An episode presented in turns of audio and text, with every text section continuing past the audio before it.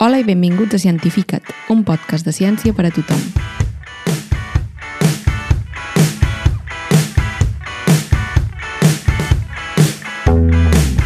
Benvinguts de nou a Cientifica't. Degut a la creixent preocupació per l'expansió de la grip aviar o virus A, H5N1, que s'ha anat estenent per tot el món, hem convidat a la doctora Natàlia Major, cap del programa de sanitat animal del CRESA, per parlar de com ens pot afectar la seva expansió. Benvinguda. Hola, bona tarda. Gràcies per convidar-me. Bona tarda, Natàlia. Primer, per començar, volíem preguntar eh, si ens pots introduir una mica a les grips aviàries, com són, comú, com són de comunes, si són semblants a les que tenim els humans, si són cíclics, o sigui, com anuals, no? Són recurrents, cada cop hi ha una nova, hi ha molta variabilitat... Uh -huh. Molt bé. Um, a veure, doncs la grip aviària és, és, és un virus que està emparentat amb els virus dels humans. Eh? De fet, dintre dels virus d'influença tenim quatre gèneres, A, B, C i D, i dintre del, del, de l'A, diguéssim, hi haurien virus, tots els virus que afecten a les aus i també afecten a mamífers, d'acord?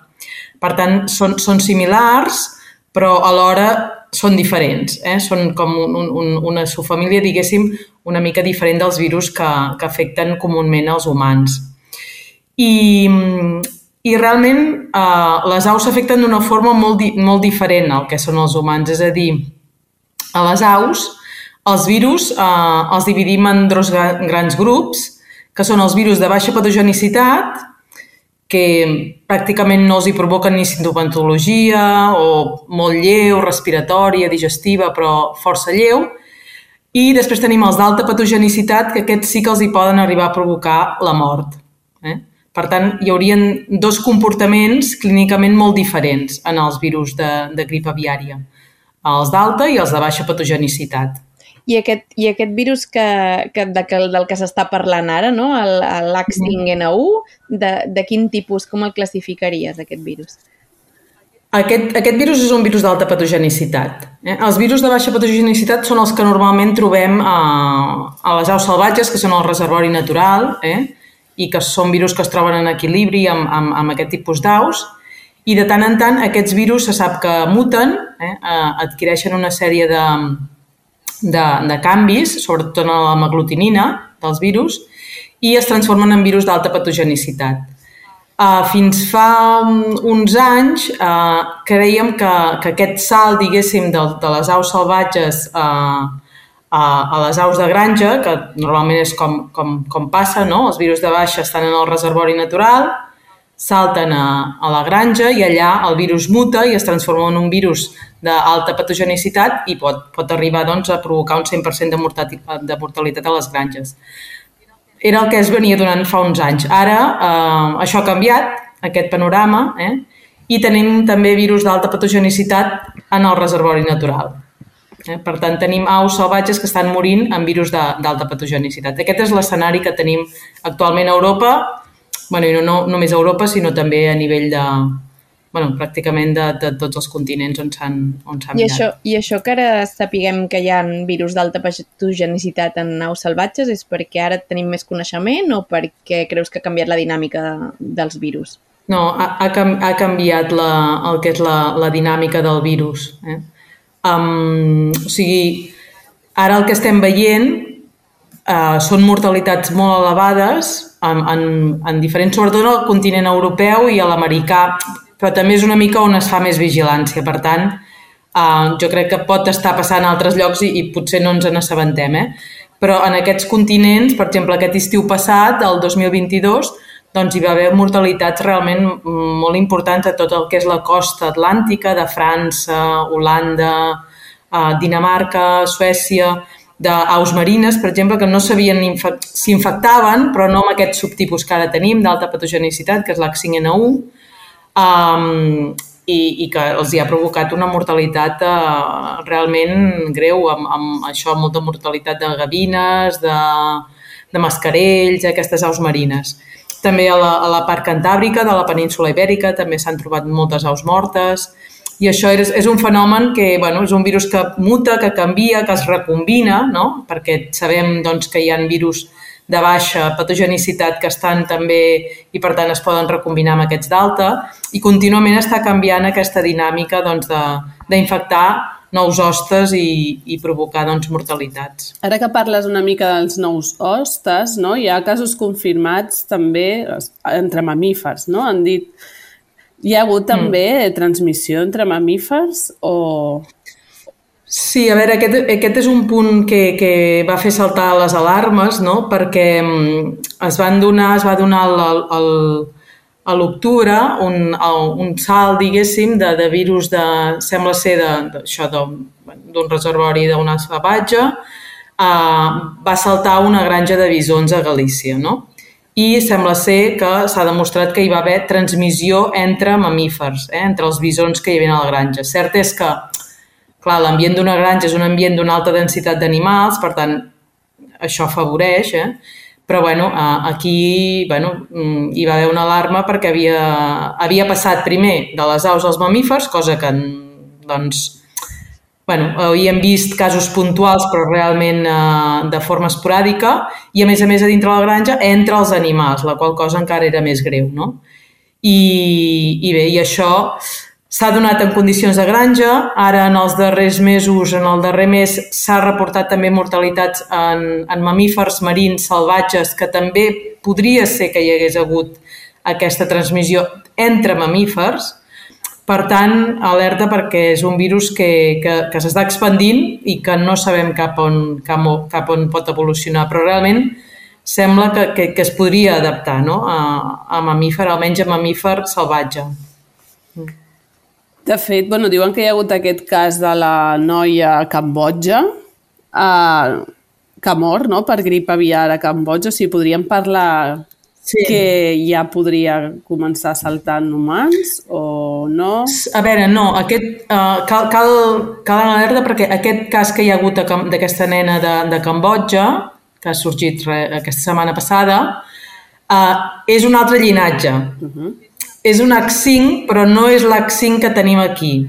Que, bueno, aquí a Europa i a Amèrica, eh? Vull dir que és un H5 diferent d'un altre llinatge que no és el que, el que veiem circular per aquí i que el tenien endèmic a Àsia durant molts anys i ara bueno, doncs ha ressorgit, hi ha hagut aquest cas, sembla que hi ha hagut també, bueno, s'està mirant els contactes d'aquesta nena, no? a veure si també s'han infectat o no, però realment no és el mateix virus. És a dir, és un H5, però no, no, no és el mateix llinatge. Estaríem per tant... parlant, però, d'una grip aviar, també, no? Sí, sembla que sí. A veure, les condicions al continent asiàtic no tenen res a veure amb les que tenim aquí, eh? perquè, clar, mm, allà hi ha hagut eh, l'H5N1 ve circulant eh, amb diferents llinatges des de fa molts anys, pràcticament des d'abans de, des dels anys 2000, eh? Uh, va fer un boom a partir del 2003-2004 i s'ha anat mantenint en aquells països asiàtics durant molts anys, bàsicament per les pràctiques que tenen, que és, que és comprar aus vives en els mercats, um, uh, les sacrifiquen a casa, tenen un contacte molt directe, perquè, clar, el virus de grip aviària no està adaptat a l'hoste mamífer. Hi ha d'haver realment un contacte molt estret, perllongat, uh, amb aquella au infectada perquè l'humà es, es contagi. Eh? Per tant, no és impossible, però és realment difícil. I les condicions Àsia sí que hi, hi són, no? per, per, per això que dic, per aquestes pràctiques. Però a nivell de continent europeu, clar, això no, no, no passa, perquè la gent ara no compra no? les aus i, um, i les sacrifica a casa. Vull dir que el risc en aquest sentit uh, no, és, no, no és zero, però és molt, molt baix.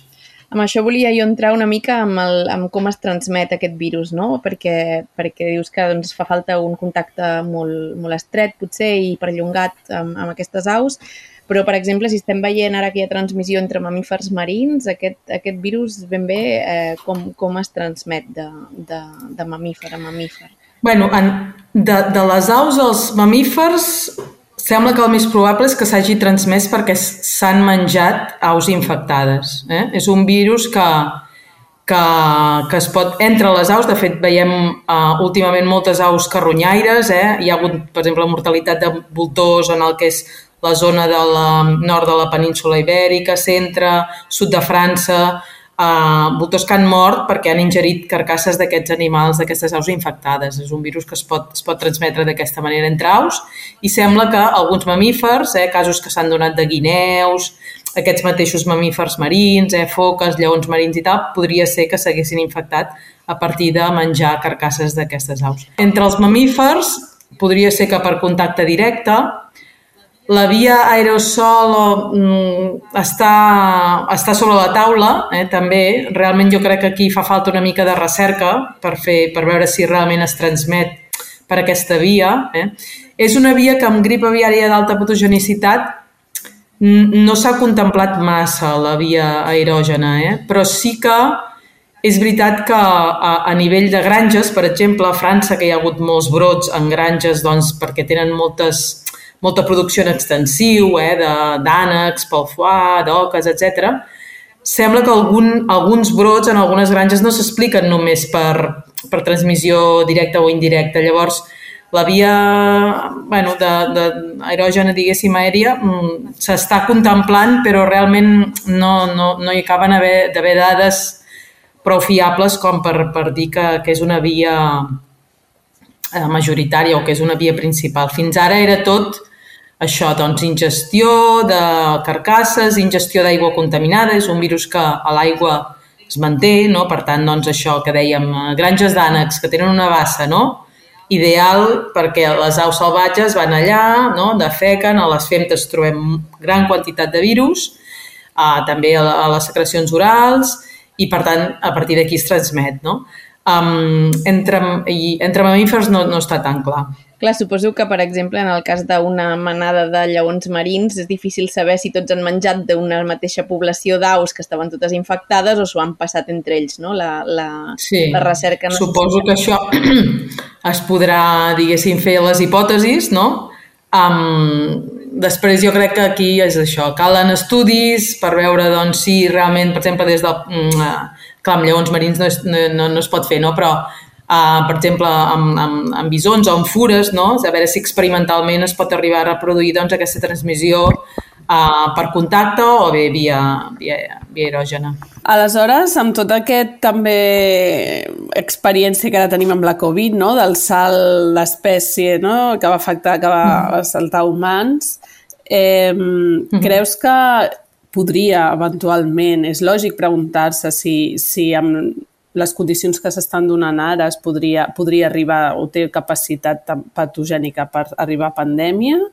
O com, com ho esteu o sigui, com heu après com tot aquest procés, com, yeah. com, com esteu estudiant l'evolució d'aquest mm -hmm. virus, no? Com, com, com es preveu no? aquest tipus de situacions que passin, no passin, yeah. com ho monitoritzeu? A veure, jo aquí penso que s'ha avançat molt amb, el, amb, amb la monitorització, amb la vigilància d'aquesta malaltia, o sigui, a partir del 2004-2005 Europa estableix uns plans de vigilància de la malaltia tant a naus salvatges com a naus de, de corral, en aviram, i, i realment doncs, jo crec que aquí s'ha fet molt bona feina d'anar controlant, anar veient el que anava circulant i tot, i s'han pogut tractar doncs, casos força uh, d'una forma doncs, força eficaç, eh, com el que hem tingut ara fa poc aquí a, a Catalunya, a Lleida, que es va controlar molt ràpidament, no?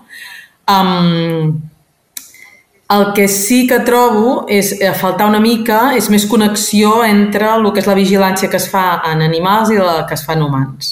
Eh? És a dir, um, bueno, tots parlem d'això, de la una sola salut, i és un, és un, és un terme que ara està molt no, en boga, no? Um, d'integrar dades doncs, de salut ambiental, salut humana, salut animal, però um, bueno, hem d'avançar en aquest sentit perquè no, és, no està prou, diguéssim, no està prou desenvolupat el concepte, no?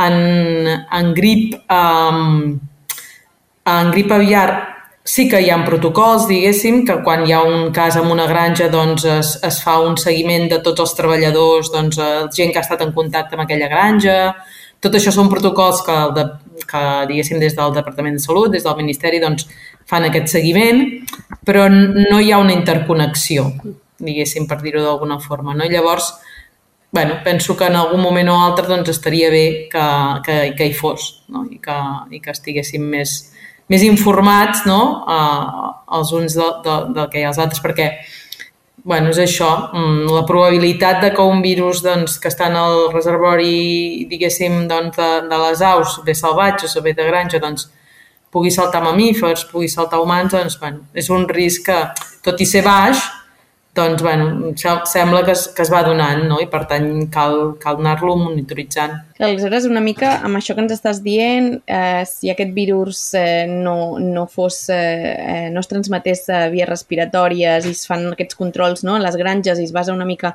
en si nosaltres podríem menjar aus infectades i ja hi ha controls no? tant, a, tant a Nord-Amèrica com a Europa, podríem estar relativament tranquils, no? Suposo, de...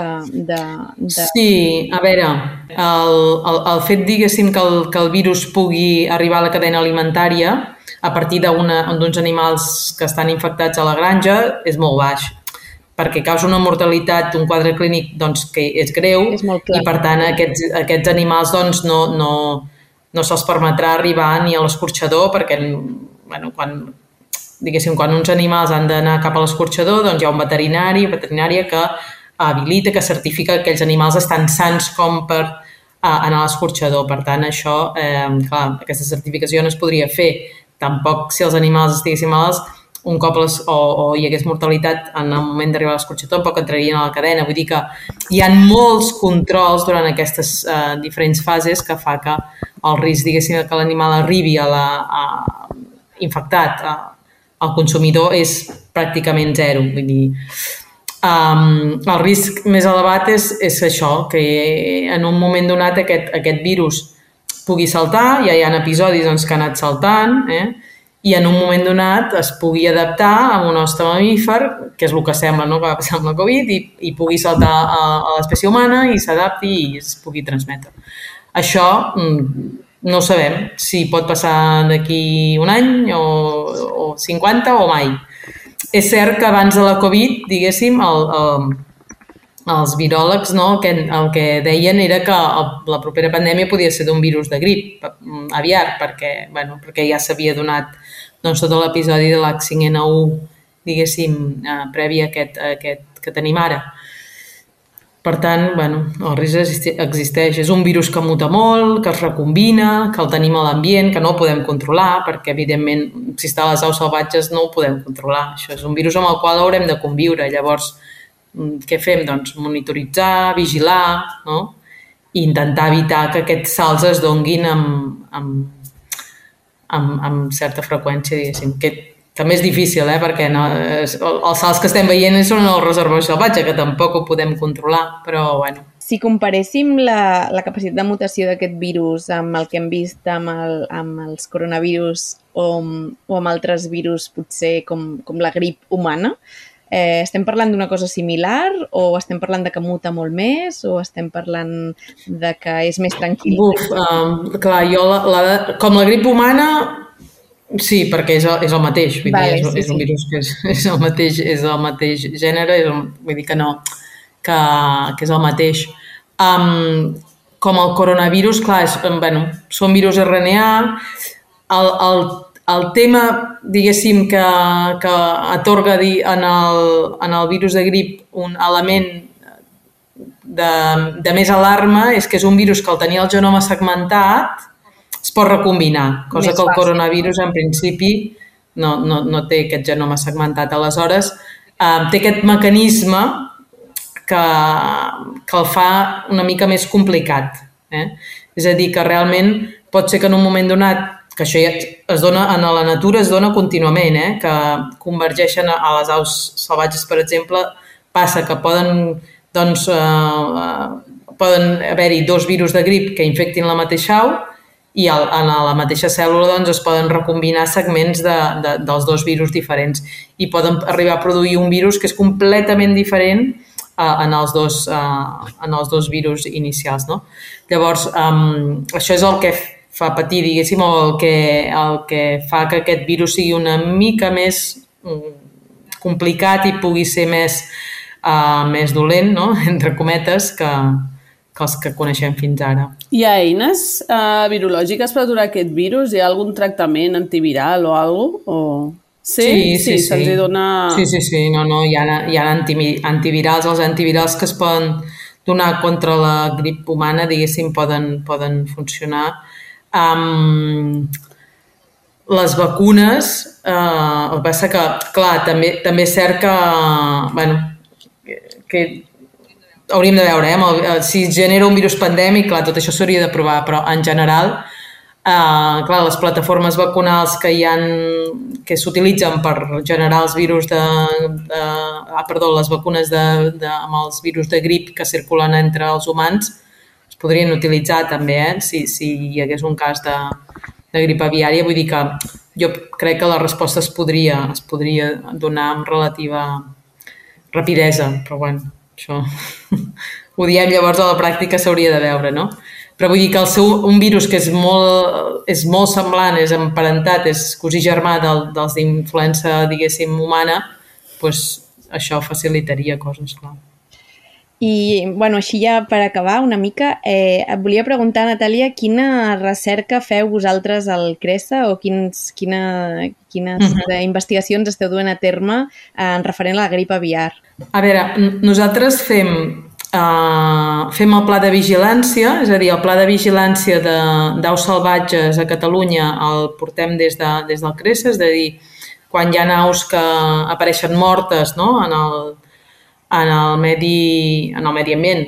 Eh? Um, sobretot a tres zones que es diuen d'alt risc, no? que són les zones humides, uh, el Delta de l'Ebre, Delta del Llobregat, uh, Aiguamolls de l'Empordà, aquí hi ha és, és, són zones de, que es vigilen especialment eh? i quan apareix una au morta doncs es mostreja i nosaltres fem les tècniques moleculars per descartar que s'hagin mort o, o no d'aquesta malaltia. També es vigila molt la zona de Lleida, que també, doncs, eh, perquè hi ha moltes granges de viram i també hi ha moltes, bueno, hi ha algunes zones d'humides i, per tant, doncs, també es vigila.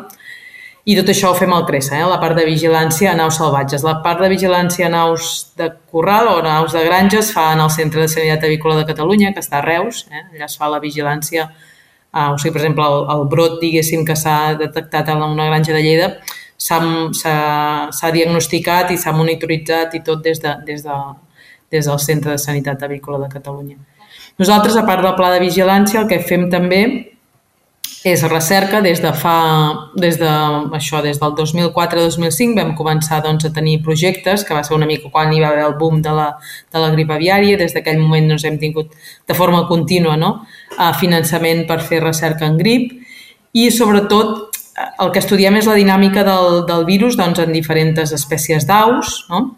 Uh, com, com es replica, com, què produeixen les aus, les diferents soques que hi han hagut, quins mecanismes de, de susceptibilitat i resistència trobem a les aus, quina resposta immunitària, on es replica més, com entra, per exemple, el sistema nerviós central, això és, això és una línia d'investigació que també hem fet, no? hem vist doncs, que el virus de seguida arriba la sang, no? un, un cop s'infecten els animals via, normalment via mucoses nasals, doncs de seguida arriba a, a la sang i des d'aquí fa una virèmia molt ràpida, trenca la barrera hematocefàlica eh? i, es, es, es, i es, es dissemina per tot el sistema nerviós central. Això ho hem vist a les aus, ara s'està veient en mamífers, per cert, en, en el, a tots aquests mamífers infectats doncs sembla que, que també el virus és molt neurotròpic Vull dir que això és un canvi també, eh, no en positiu. I, I, bueno, estudiem també una mica doncs, això, tota la patogènia, la resposta immunitària en les diferents aus. Eh, per això que dius, eh, bueno, ara m'interessa a mi la pregunta aquesta de eh, tu creus que aleshores, o sigui, veieu efectes neurològics a les aus que poguéssim pensar Uf. que si els humans ens infectéssim poguéssim desenvolupar nosaltres alguns efectes neurològics? Sí, a veure, en, en, a les aus el quadre neurològic és, és, és, és molt clar. Eh, és molt clar.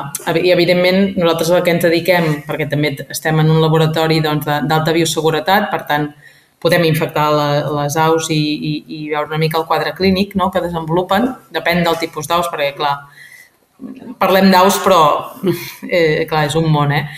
I, però sí, sintomatologia neurològica se'n veu i, al cap de, depenent de la dosi amb la qual mm, infectis, però al cap de 3, 4, 5 dies els animals comencen a mostrar sintomatologia eh, neurològica, eh, depressió, a vegades mostren doncs, opistòtons, poden mostrar um, doncs, uh, ambulament, és l'animal molt, molt, molt deprimit, eh? amb, amb el cap doncs, a, a vegades doncs, també uh, amb el cap com flàcid, no? bueno, una sèrie de, de sintomatologia i al cap de moltes vegades 24 hores doncs, hi ha una, una mortalitat no? degut a, si, si sobreviuen aquests animals, persisteixen aquests símptomes després de la recuperació? O... No, normalment els animals que tenen sintomatologia nerviosa acaben morint. Um, després sí que estem, ara el que estem estudiant és que moltes vegades hi ha un subgrup d'animals que no, no, no s'arriben a infectar, no, no arriben a desenvolupar clínica. Llavors estem veient una mica quins gens um, estan jugant un paper en aquesta resistència a la malaltia. I bueno, hem trobat algunes cosetes a nivell de, de gens, sobretot a, a nivell del, de l'aparell respiratori, que podria explicar doncs, que, que, que, bueno, que hi hagués animals que tinguessin una resposta immunitària innata, sobretot, que els fes més resistents en un primer moment a aquesta replicació inicial i que, per tant, el virus no pogués passar d'aquí i, i, per tant, ja no desenvolupen ni quadre neurològic ni, ni res. Fins aquí l'entrevista d'avui. Moltes gràcies, Natàlia Major, i, i espero que haguem aclarit molts d'aquests punts que l'audiència té ara sobre la grip aviar. Moltes gràcies, Natàlia. Molt bé. Gràcies, gràcies a vosaltres. Un plaer.